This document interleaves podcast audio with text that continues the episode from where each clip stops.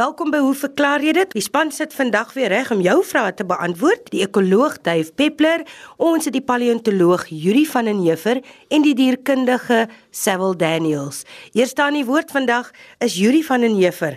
Sy vraag kom van mevrou Phyllis Strydom van Bloemfontein en sy wil die volgende weet: Hoekom is die toiletvensters in passasiersvliegtuie toegemaak? Waarom 'n vliegtuig bou met toiletvensters? En dan die vensters toemaak. Yuri, wat is jou antwoord op hierdie vraag? Goeiemôre Heidi en luisteraars, dit is inderdaad 'n interessante vraag van mevrou Strydom. Die antwoord hierop is dat die maatskappye wat vliegtye bou, veral die rompe van die vliegtye, bou dit volgens 'n vaste uitgewerkte patroon en daar is ook 'n vaste aantal vensters in hierdie ontwerp want dit moet natuurlik baie veilig wees en as daar so getoetste romp uh formaat is dan hou hulle daarby omdat dit so sterk as moontlik moet wees. Maar die firmas het kliënte wat dan vliegtye by hulle koop. Nou sê net maar daar's die Vryseburg internasionale lugdiens en um, hulle soek 'n vliegtuig met 'n spesifieke uh konfigurasie aan die binnekant. Met ander woorde die manier waarop die stoele gerangskik is of daar een of twee paadjies is dikwels in 'n kleiner vliegtuig een paadjie en dan daar sê maar drie stoele aan die een kant en twee aan die ander kant. En hulle het natuurlik hulle eie voorkeure wanneer dit kom by die uitleg van so 'n vliegtuig. Dus hulle skryf voor aan die maatskappy hoe hulle dit wil hê. En natuurlik dan ook uh, waar hulle die kombuis wil hê en waar hulle die toilette wil hê. So die plasing van al hierdie goed hang af van die kliënt en nie alle lugdienste wil dieselfde uitleg hê nie. Sien maar daar is die uh, Merwe wil redery en hulle wil meer konsentreer op die uitvoer van granate of olywe, dan sou hulle meer vragruim wou gehad het, met ander woorde 'n ander konfigurasie vir die binnekant van die vliegtuig. Dus die toilette is nie noodwendig altyd op dieselfde plek vir elke redery nie en daarom is dit makliker vir 'n firma soos byvoorbeeld Boeing om 'n standaard rond met 'n standaard aantal vensters te maak wat dan volgens die kliënt ingerig word en as daar dan 'n toilet op 'n sekere plek is, dan is dit baie makliker net om die venster uh toe te maak anderster as om die oorspronklike ontwerp aan te pas. En op die lang duur sal dit dan ook goedkoper wees uh om dit op hierdie manier te doen. Die rede hoekom die vensters toegemaak word is vermoed ek dat uh in so 'n vliegtuig as mense op 'n lang vlug is, is die toilette en die badkamers is nogal besige plekke en uh, mense sou nie graag wil hê dat mense te lank daarin vertoef nie. So as jy nou in die toilet sit en mymer tydens jou ablusies en daar's 'n venster oop, dan gaan jy waarskynlik langer daar bly en ongemak veroorsaak vir uh die ander passasiers. Nou terwyl jy nou vra oor hoekom toiletvensters toe is, is die logiese vraag om te vra Hoekom uh, wil party lugrederye hê dat wanneer die vliegtuig opstyg of land, moet al die vensters oop wees. Nou nie na beide kante nie, maar die skuif uh deksel voor die vensters. Die rede hiervoor is uh, dat uh die gevaarlikste tye in 'n vliegtuig is wanneer dit opstyg en wanneer dit land. So indien daar iets verkeerd loop, is dit nodig vir die gate-personeel om te kan sien wat buite aangaan. As daar reddingswerkers op die vliegtuig kom en die vliegtuig is nog nie oop nie, moet hulle deur die vensters na binne toe kan kyk. En as dit lang nagvlugte is en mense het gelê en slaap en jy kom land nou hier in die oggend in Johannesburg of waar ook al en iets gaan verkeerd, dan moet jy uit die vliegtuig uitgly of strompel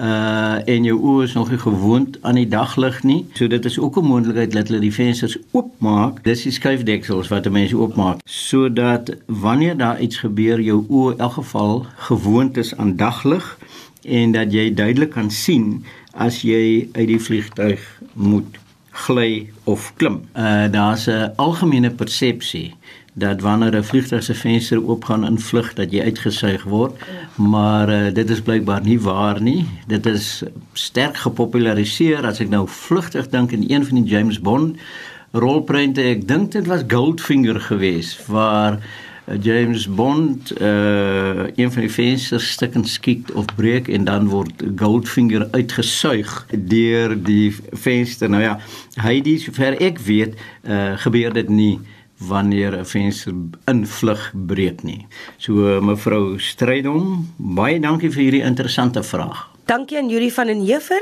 Die woord is Dave Peppler. Ek lees die brief wat hy ontvang het van ene Daan Pinaar.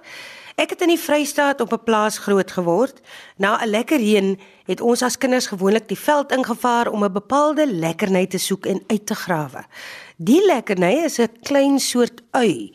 Ons het dit genoem krulletjie of bokhoringkies. Die naam is na aanleiding van sy blaarstruktuur.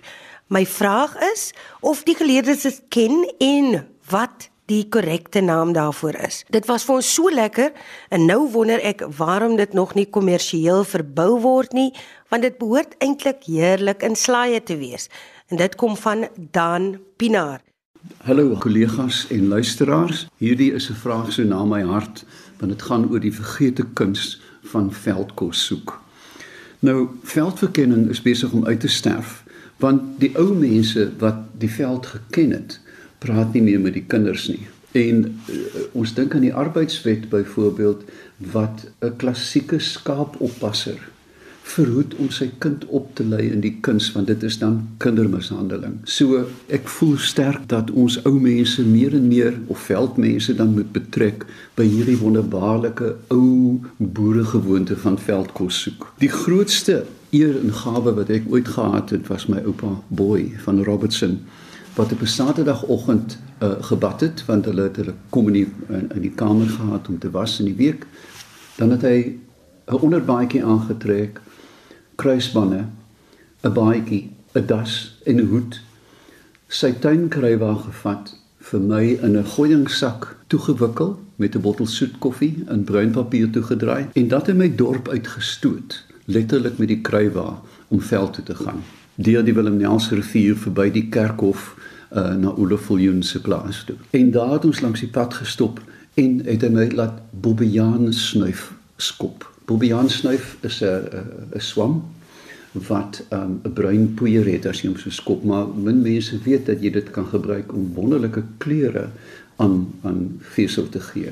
As jy die basis gebruik, is die kleur pers en as jy die bokant gebruik, is die kleur kakie, so jy kan kleure daarmee kleur. En so het oupa my geleer van noem noem eet, van vinkelsgrawe, van kambroegrawe, waar hase slaap. Hierdie veldkennis het hy by my uh, tuis gebring en dit is uiteraard waar my loopbaan begin het.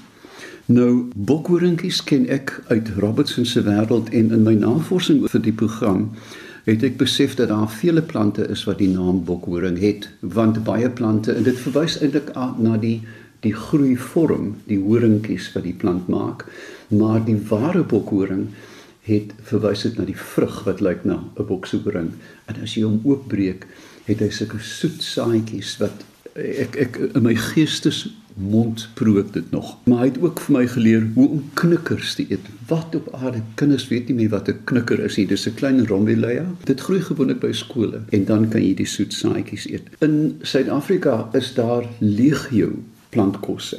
Ons dink byvoorbeeld aan amaranthus. Nou die woord misbreedie word netlik vir omtrent 5 of 6 verskillende disse gebruik Nou Amaranthus um, is een van hulle wat as misbreedie bekend staan, maar dit is nie die ware misbreedie nie. Ons dink aan willepruim, daai rooi vruggie, Aperfilum cafrum, um, met sy wonderlike frank smaak. Almal in Suid-Afrika weet van marula en die drankies wat daarvan gemaak word. Ons dink nie meer aan waterblommetjies as 'n veldkos nie, want dit is 'n ware ware Suid-Afrikaanse en egte veldkos. Dink byvoorbeeld aan die madumbe wat in Natal so gewild is, soos 'n varkoor en dan word die die risool wat lyk na na 'n bol geëet deur die die inboorlinge. Kiepersol, jy kan van kiepersol se sade eet byvoorbeeld. Ons dink aan die Ilala palm in die noorde van Natal waar een boom in die orde van 60 liter sap 'n jaar kan gee of per seisoen en dit maak natuurlik 'n drank wat jou uh, wat jou bene onder jou laat pad gee. Ehm um, dink aan die kremetart, uh, dis die die die hulsel om die saad te stroopsoet en kinders eet dit gereeld. Ons dink aan witgatboom, daai pragtige wat die Engelse noem shepherd tree waar die wortels gebruik is in die ou dae om koffie te maak. En net so met Prabium stellatiefolium wat in die in die Kaap groei wat ook as koffie gebruik is. Gemsbok komkommer Ons dink aan ehm um, sampioene, die legio sampioene in Suid-Afrika waarvan ehm um, ruim 'n derde eetbaar is en een van die beste bronne van Vitamiin D is in enige mens se dieet. Um, en nou in die winter veral in in die Kaap en die suide het ons almal byna 'n vitamien tekort en net terloops as jy jou vitamien tekort wil aan aanstuif is um, snoek 'n baie goeie bron van vitamien D. Dan natuurlik balbeen is 'n klein uh plantjie met 'n gewone geel blommetjies en dit is waar balsam copiva vandaan gekom het in die ou dae, 'n ekstrakt van balsam copiva. Die balbeenblare is ook baie goed om brandwonde en veldirritasies mee te behandel. Klapperbos, strignos, um ehm, sierings. Ek onthou as kind dat as my ma bredie gekook het, moes ek gaan sieringstingels pluk om in, in die bredie te gooi. Dan is daar natuurlik Portulacaria, um, wat ook as misbredie bekend staan. Dis 'n kruipende plantjie met 'n geel blommetjie wat een van die wêreld se beste bronne van Vitamiin C is. Nou, kom ons gaan nou kom bietjie terug na bokhorinkies. Dit is gewoonlik meeste van hulle kom uit die Asclepiaceae uit. Dit is plante wat 'n melkagtige afskeiding het. Ek dink die een wat wat ons luisteraar van praat is Astephanus neglectus, 'n bekende bokhorinkie veral met die krulblare. Sy vraag aan die einde is Uh, moet ons nie dalk dink of is dit nie vreemd dat dit nog nie kommersieel aangeplant is nie. Dit is 'n baie belangrike punt wat hier aangeraak word. Veldkennis moet behoue bly. Daar is in die Universiteit van Johannesburg uh, 'n uh, aantal botanisi wat hard werk aan die eetbare plante van Afrika as buffer teen klimaatsverandering. Hierdie is inheemse plante wat aangepas is en as jy slim te werk gaan, kan jy 'n volledige maaltyd op sy paadjies in jou dorp of stad pluk. Jy kan letterlik vir jou al die breedies maak wat jy wil. Ek onthou jare gelede um, was ek in Moskou net na die val van kommunisme. En daar was 'n totale uh, voedseltekort. En al wat jy in die aande gesien het is families, ek was in die lente daar wat met 'n mandjie onkruid gepluk het in die op die sypaadjies in die parke en letterlik oorleef het van hierdie onkruid. Hoog in Vitamiin C, hoog in vesel, hoog in folinsuur. Daar is nie spinobufie daar te sprake nie want al die vitamiene is juis in hierdie eetbare onkruid. So, toenemend met klimaatsverandering dink ek sou ons meer krities moet kyk na veldkos. En tereg soos Daan Pinaar sê, is dit nou dalk hoogtyd dat ons krities begin kyk na ons eetbare veldkosse. Dit was die verklaring van Dave Peppler. Baie dankie Dave. Ons gesels volgende met Sewil Daniels. Sy vraag wat hy ontvang het is van Marie Hudson. Sou 'n mens renosterhorings kon vervang met ander diere se horings? Sewil, wat het jy te sê hieroor? Goeiemôre luisteraars. 'n um, Baie interessante vraag van Marie. Uiteraard is die horings van renosters of bestaan die horings van renosters uit dieselfde proteïen wat in 'n mens se hare en naels voorkom Met ander woorde, dit bestaan uit keratien. Ehm um, so teoreties sou dit moontlik wees om ehm um, die horings wat dan nou gevang word of verkryg word liewer van ehm um, renosters wat gedood word onnodiglik sou mens kon vervang met dit van ehm um, van ander diere met horings want dit het werklik bestaan uit dieselfde proteïen uit. Terselfdertyd dink ek dit is belangrik om te sê dat daar absoluut geen medisinale waarde is aan die onnodige dood van renosters vir hulle horings nie met die konkoksie wat 'n mens nou sou maak gewoonlik sal dan nou bestaan uit die renoster horing wat dan nou uh, om met 'n bietjie water getrek sou word soos die ou mense nou sal sê. Ehm um, en jy kan werklik dieselfde doen met jou hare en naels. So daar's geen medisinale waarde in die horing van die renosters nie. 'n Mens moet wel daaraan dink dat die hoof dryfveer vir die stroping van renosterhorings uiteraard um hoofsaaklik in die ooste is en veral die hoofdryfveer is China en in in Vietnam maar dan moet mense ook dink aan um hoekom doen mense dit en 'n bietjie navorsing dui daarop dat 'n kilogram uh renosterhoring 60000 Amerikaanse dollar werd is nê nee? so in Suid-Afrikaanse rand is dit nou omtrent 840 000 rand per kilogram renosterhoring. So daar's uiteraard ook 'n finansiële dryfveer agter die onnodige stroping van renosters. 'n Onlangse verslag deur die Wêreldwye Fonds vir die Natuur um, spreek erg bekommernis uit oor die onnodige dood en stroping van groot soogdiere kameelperde, leeu's en ook olifante waarvan baie van hierdie produkte uitgevoer word na die ooste toe.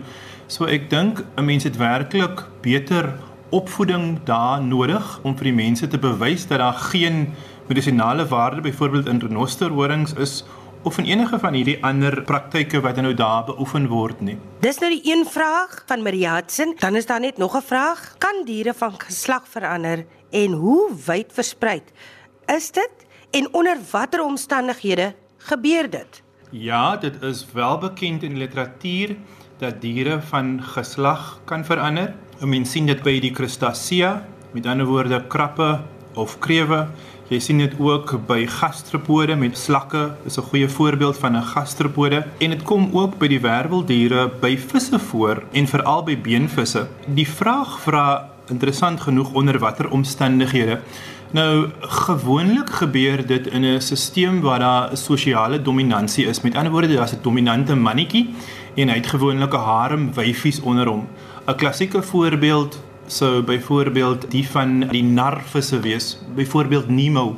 Ek is seker baie van die luisteraars onthou um vir Nemo die die die visie wat deur uh, Disney bekend gemaak is. So wat er nou daar gebeur is wanneer die mannetjie dood of wanneer die mannetjie sterwe, dan sal die wyfie die dominante rol oorneem in die gemeenskap en dan sal sy van geslag verander. 'n Mens moet nou dink uit 'n genomiese perspektief uit of 'n of 'n molekulêre perspektief is dit vreeslik interessant want die wyfie gaan nou nie meer eierselle produseer nie, sy gaan nou spermselle moet begin produseer.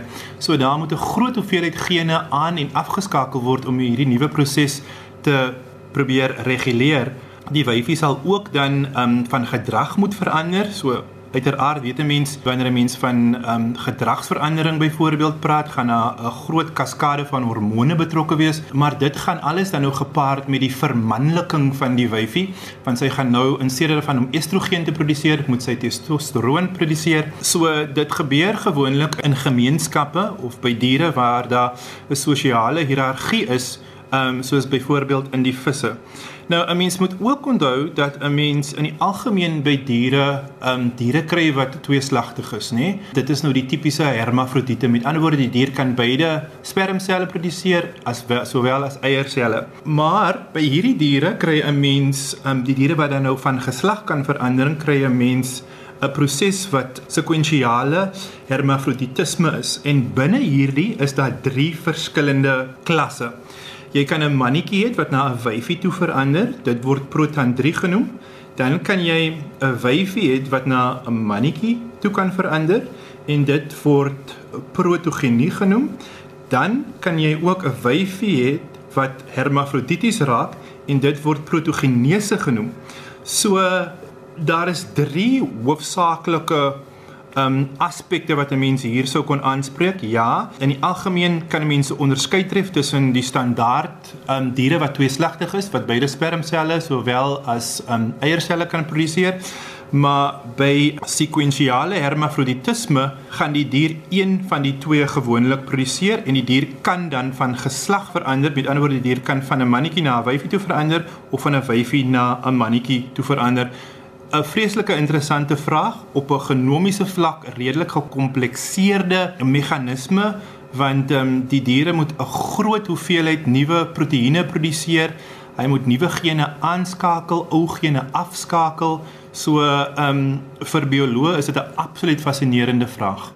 Ek sê dankie aan Sewil Daniels, Yuri van den Heever en Dave Peppler wat jou vrae beantwoord het vandag, maar jy kan vir ons skryf. Hoe verklaar jy dit? Posbus 2551 Kaapstad 8000 of jy's meer as welkom om vir my 'n e-pos te stuur na heidi@rsg.co.za. Dis H A I D E E. Die hoe verklaar jy dit span? Bedank telematiese dienste aan die Universiteit van Stellenbosch wat ons opnames moontlik gemaak het. Ons gesels aanstaande week verder.